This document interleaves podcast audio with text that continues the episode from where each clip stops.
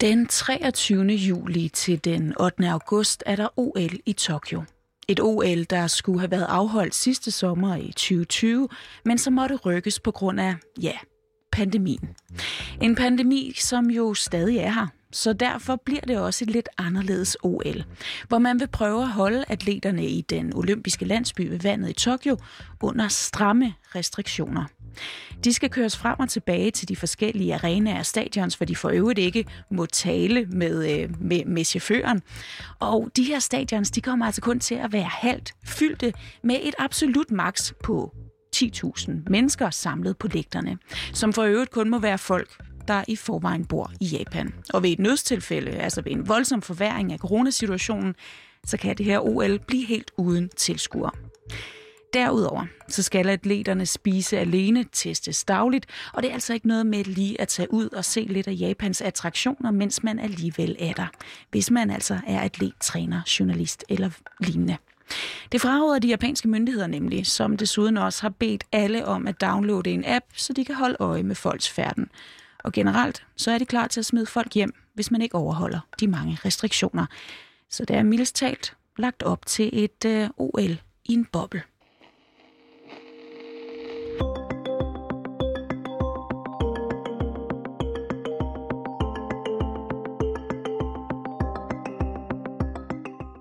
Til trods for diverse foranstaltninger, restriktioner og et øh, ja, noget andet og mere afgrænset OL i Tokyo om en måned, så viser en meningsmåling altså, at over 80 procent af den japanske befolkning alligevel er modstandere af afholdelsen af det her OL i Tokyo.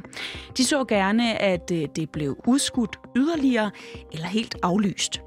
I dagens udsyn dykker vi ned i kritikken og taler med en japaner, der frygter, hvilke konsekvenser afholdelsen det her OL kan få, også på sådan et helt personligt plan for ham og hans kære.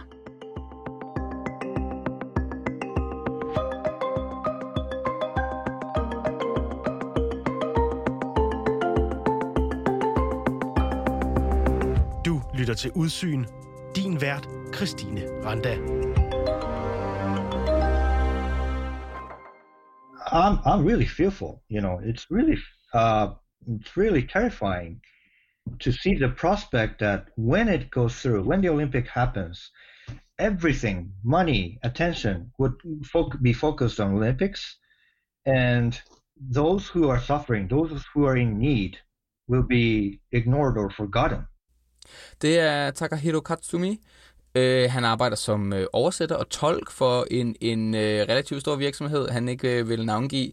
Øh, men øh, han er, hvad man skal nok kalde meget traditionelt venstreorienteret i, i øh, Japan. Nu smed jeg lige to stemmer i ørerne på dig med det samme. Den sidste stemme tilhører Morten Søndergaard Larsen, der er journalist og bosat i Seoul i Sydkorea, hvorfra han altså blandt andet også dækker Japan. Og han har altså talt med den anden stemme, du hørte, som Morten så fint præsenterede som tilhørende Takahiro Katsumi. Morten siger det nok lidt mere overbevisende, end jeg gør. Og Takahiro her, han er altså en af de mange japanere, som er utilfredse med afholdelsen af OL i Tokyo den her sommer. Um, they're really just fed up with this uh, Olympics first attitude because they are really putting us second or third or maybe fourth and that is affecting our security, you know, safety and security, and also um, economic well-being. Og hvad han helt præcis mener med det, skal vi blive lidt klogere på nu. Og vi starter tilbage i sommeren 2016 ved OL i Rio, Brasilien, hvor det hele startede for Japan og Tokyo. 4, 3, 2, 1.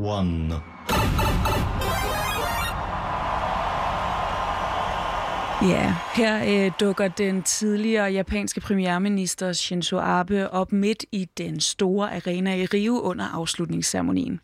Der har lige kørt en præsentationsvideo, hvor Abe forvandler sig til den kendte japanske spilfigur Mario og tager en genvej tværs gennem kloden til Rio, hvor han dukker op gennem et stort rør midt på scenen og smider sit Mario-kostyme. When they, they got it, I was already against it. Allerede dengang var han sådan lidt, det er simpelthen, det er så typisk Arbe, det er politisk show, det er, han flyver verden rundt og laver ekstravagante øh, sceneshows, mens han ikke rigtig tager vare om de rigtige politiske problemer hjemme i Japan. Abe was not doing anything at home, but he was just, you know, lavishly using money and, you know, doing political performances, and Olympics was one of them. So I detested it from the beginning, and I became to hate more, and now I completely resent it. Og den voksende modstand, blandt andet fra Takahiro her, handler blandt andet om, at der jo et halvt år før lejene skulle være løbet af stablen i Tokyo sommeren 2020, kom en pandemi. Og i stedet for at tage den her beslutning om, at vi tager vare på vores borgere, øh, borgers helbred og annullere de her lege, indtil den her virus er, er, er, der er kommet helt styr på den, jamen øh, så fortsætter de ligesom med det igen. Ja, man valgte altså at udskyde det hele et år til nu, sommeren 2021, hvor pandemien altså fortsat ikke er helt under kontrol, i hvert fald ikke alle steder. Og nu er der altså mange flere japanere end Takahiro, der synes, at afholdelsen af OL i Tokyo er dybt kritisabel og problematisk. Det er en, en, en ret udbredt opfattelse, at de her olympiske lege ikke er en positiv ting for japanerne. Og lad os se nærmere på de argumenter, som Takahiro og mange af hans landsmænd og kvinder har imod den her afholdelse af OL den her sommer. Jeg har valgt at dele kritikken ind i fire kategorier. Der er den helt åbenlyse, pandemien og sundhedssituationen. Så er der desuden økonomien, der er nogle korruptionssager, og så er der Japans image og nogle knap så heldige skandalesager. Vi starter med pandemien. Selvom Japan har gjort det godt i for i sammenligning med mange andre, for eksempel øh, europæiske lande, øh, til at starte med, vi så ikke, ikke i nærheden af de samme tal i Japan, som vi så i for eksempel Italien eller i øh, Storbritannien eller USA selvfølgelig. Men de har været der ret stødt, og de ikke, der er ikke kommet kontrol over den. Altså hvis vi sammenligner med, nu sidder jeg jo selvfølgelig i Seoul, Sydkorea, og hvis vi sammenligner Japan med, med, med Sydkorea, så er der markant flere døde for eksempel, og flere tilfælde. Og at holde et arrangement, hvor der jo trods alt stadig kommer atleter, personale og journalister ind fra hele verden, virker det også lidt underligt, når man stadig kæmper med en pandemi. Det her med, at man skubber på at afholde et internationalt sporting event af, af, af olympiske proportioner, bogstaveligt talt, øh, harmonerer bare ikke så godt med, at der er en, øh, en smid, smitsom sygdom. Øh, Delta-varianten er for eksempel også øh, mange steder at finde i Japan. Øh, så det harmonerer bare ikke så godt med, at man ligesom vil bringe en masse folk udefra ind, når man ikke har styr på det her selv. Og flere frygter der også, at OL i Tokyo bliver et øh, såkaldt superspreder-event. Øh, altså, der pludselig så eksploderer tallet af, antallet af daglige smittetilfælde. Det lægger så pres på hospitalsvæsenet, og så kan man ikke få den behandling, som man har været vant til. Men det handler ikke helt kun om et øh, potentielt superspreder-event. Det handler faktisk generelt også om, at et så stort arrangement som OL opsluger en hel masse ressourcer, også fra landets sundhedsvæsen. Der skal nemlig være en hel masse læger og sygeplejersker, faktisk omkring 7.000 til stede til sådan et arrangement her. De skal være standby, hvis der nu skulle ske noget. Og det gør jo, at de ikke kan være andre steder samtidig med, hvor der altså ellers måske er brug for dem, især lige nu. Og det faktum har også betydet, at for en måneds tid siden, der opfordrede en stor forening af praktiserende læger i Tokyo faktisk til, at man derfor helt aflyste sommerens OL de her olympiske lege kommer ind, og så dræner de ressourcer for hospitalsvæsenet i ikke engang nødvendigvis kun Tokyo, men det omkringliggende Japan, fordi der både skal læger og sygeplejersker til for at tage sig af den her kæmpe store begivenhed. Our medical um, capacity is on the verge of collapse. So it's really a life and death situation now. En liv- og død situation, som Takahiro har meget tæt inde på livet. Hans kone er nemlig alvorligt syg. Um, she had a um, she has uh, uh, breast cancer. Og Takahiro frygter, hvad der vil ske, hvis hans kone pludselig får brug for mere behandling. When you know anything goes south, you know, I would like her to be able to have the treatment she deserves, you know. But, you know, in this situation, that might not happen den måde, det fungerer på i Japan, det er, at der er nogle specielt designerede hospitaler, der ligesom tager sig af covid-patienter. Og de øh, hospitaler, det er så tilfældigvis også de hospitaler der, hvor hans kone får behandling. Så hans store frygt er, jamen, der er pludselig sket en eksplosion af smittetilfælde. Hans kone står og får et eller andet kritisk tilfælde, hvor hun skal have behandling. Og så er der bare ikke plads til det, fordi det her hospital er fyldt af, af coronapatienter. Og det betyder jo så, at han risikerer at miste sin kone til den her brystkamp, som, til den her brystkræft, som hun jo øh, går og kæmper med til daglig ellers. They put all their resources, all their money, which is our tax money, to Olympics. Og det leder mig over til kategori nummer to, økonomien, for det er dyrt at holde et OL, og coronapandemien har altså også været hård økonomisk for japanerne. People are suffering. They're losing jobs. They're losing their, you know, um, business. So it's really affecting all sorts of people, a livelihood of all sorts of people. Og Takahiro føler ikke, at japanerne bliver kompenseret nok, altså at de får nok økonomisk støtte af regeringen i de her krisetider.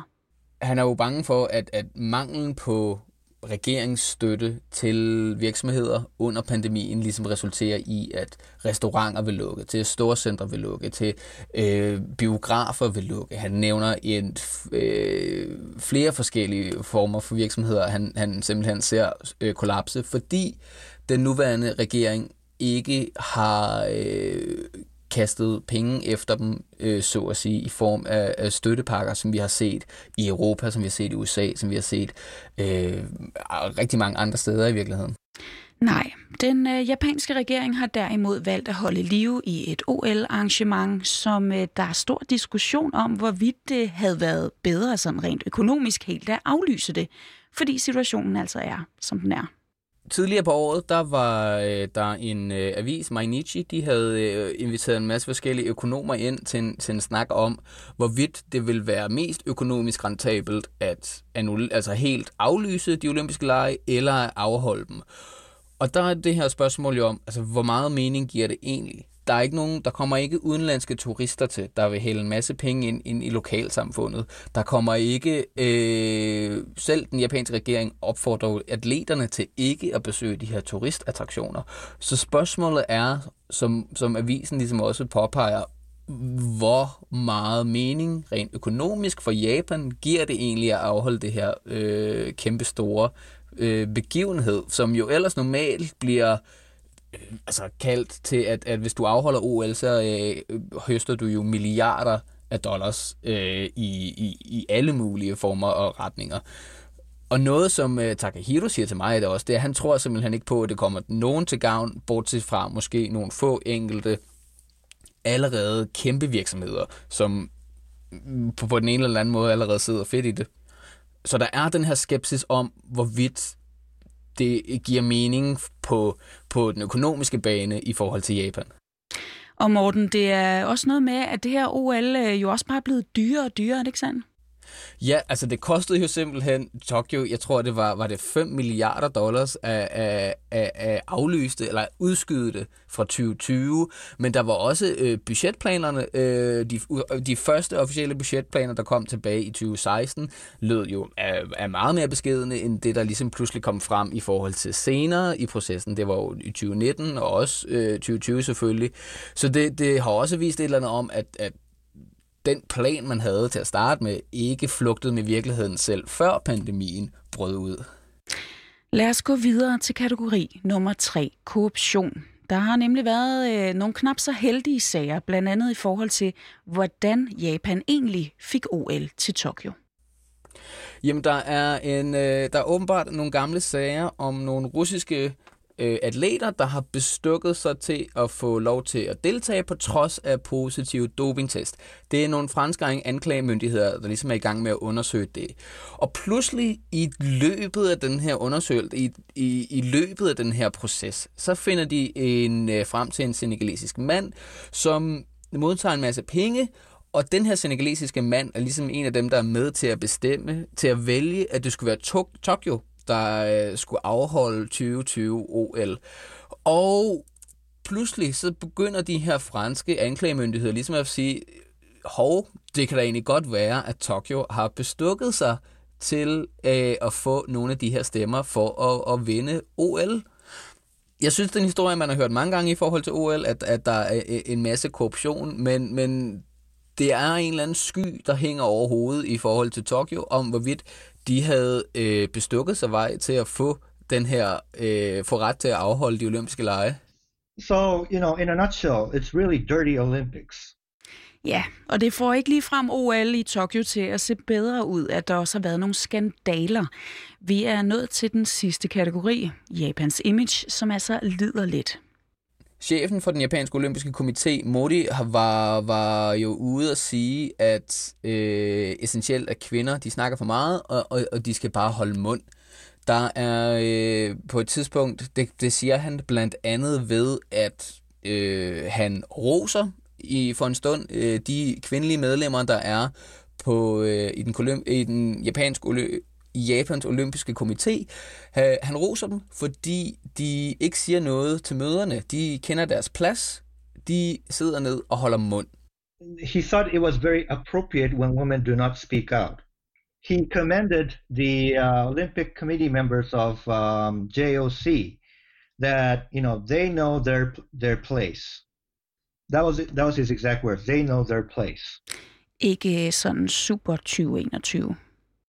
Og øh, det rusker jo så pludselig op i en masse internationale historier om Japans problemer med sexisme. Og ikke så lang tid efter, så kommer der også en anden en sag frem om et andet medlem. Det var den kreative direktør øh, for, for øh, Japans olympiske komité, som synes han havde en rigtig god idé ved at invitere øh, en øh, plus-size model ind og klæde hende ud som en gris, fordi så kunne du jo kalde hende for en Olympic, altså en olympisk gris. Det synes han var rigtig sjov. Og det, og igen, det var også den her med, at hvis det bare havde været Japan, jamen, så var der ikke nogen, der havde løftet øjenbryn. Men fordi der nu pludselig er øh, international bevågenhed og alle de her internationale historier, der kommer, der dækker det, så bliver det ligesom, så påminner man jo nogen i Japan om, at, at der er altså nogle ting, der er blandt andet den måde, vi ser kvinder på, der er den måde, vi ser overvægtige mennesker på, det er måske ikke helt flugter med resten af verden, og det skader på en eller anden måde Japans image, der jo på mange måder er, er, er enormt godt og meget poleret. Okay, jeg vil sige, at nu hvor, hvor vi har været alle de her kategorier af kritik igennem, så er jeg ikke længere så overrasket over, at over 80 procent af japanerne er imod sommerens OL i, øh, i Tokyo. Men Morten, forklar mig lige, hvorfor har man egentlig ikke aflyst OL i Tokyo? Altså situationen taget i betragtning, og den, øh, den folkelige modstand taget i betragtning? De japanske arrangører har været ude at sige, at det kan de simpelthen ikke. De kan ikke aflyse det, de kan ikke udskyde det. De er nødt til at afholde det, og så må de jo så bare gøre det med alle de foranstaltninger, som, som de nu engang kører med. Det er derfor, den kommer til at afholde sin boble. Og det er jo et væld af pres fra alle mulige forskellige sider. Der er mega, mega virksomheder, Coca-Cola, Toyota, alle de her kæmpe konglomerater af virksomheder, der har investeret en masse, masse, masse penge i, at de her lege skal afholdes, så de selvfølgelig kan tjene en masse penge øh, og have fået en masse lækker reklame. Og så er der det politiske og selve prestigen ved at afholde et OL. Det her det er jo et prestigeprojekt, Arbes gamle prestigeprojekt, der nu er overtaget af øh, premierminister Suga, som også har tænkt sig at, at, ligesom at sætte det her prestigeprojekt til ende. Så selvom der er en, en, en folkelig modstand, og der er også en modstand, der er, der er mm, de officielle mediesponsorater har også sagt, været ude at skrive, at de er modstandere. Men der er simpelthen, maskineriet er sat i gang, og de her tandhjul er simpelthen så store og har så meget vægt på sig, selvom der er folkelig modstand, så kan de simpelthen ikke stoppe dem, fordi hele verden ser med. Det er en kæmpe virksomhed i virkeligheden, og du kan ikke stoppe det, selvom du synes, det er en god idé at gøre det.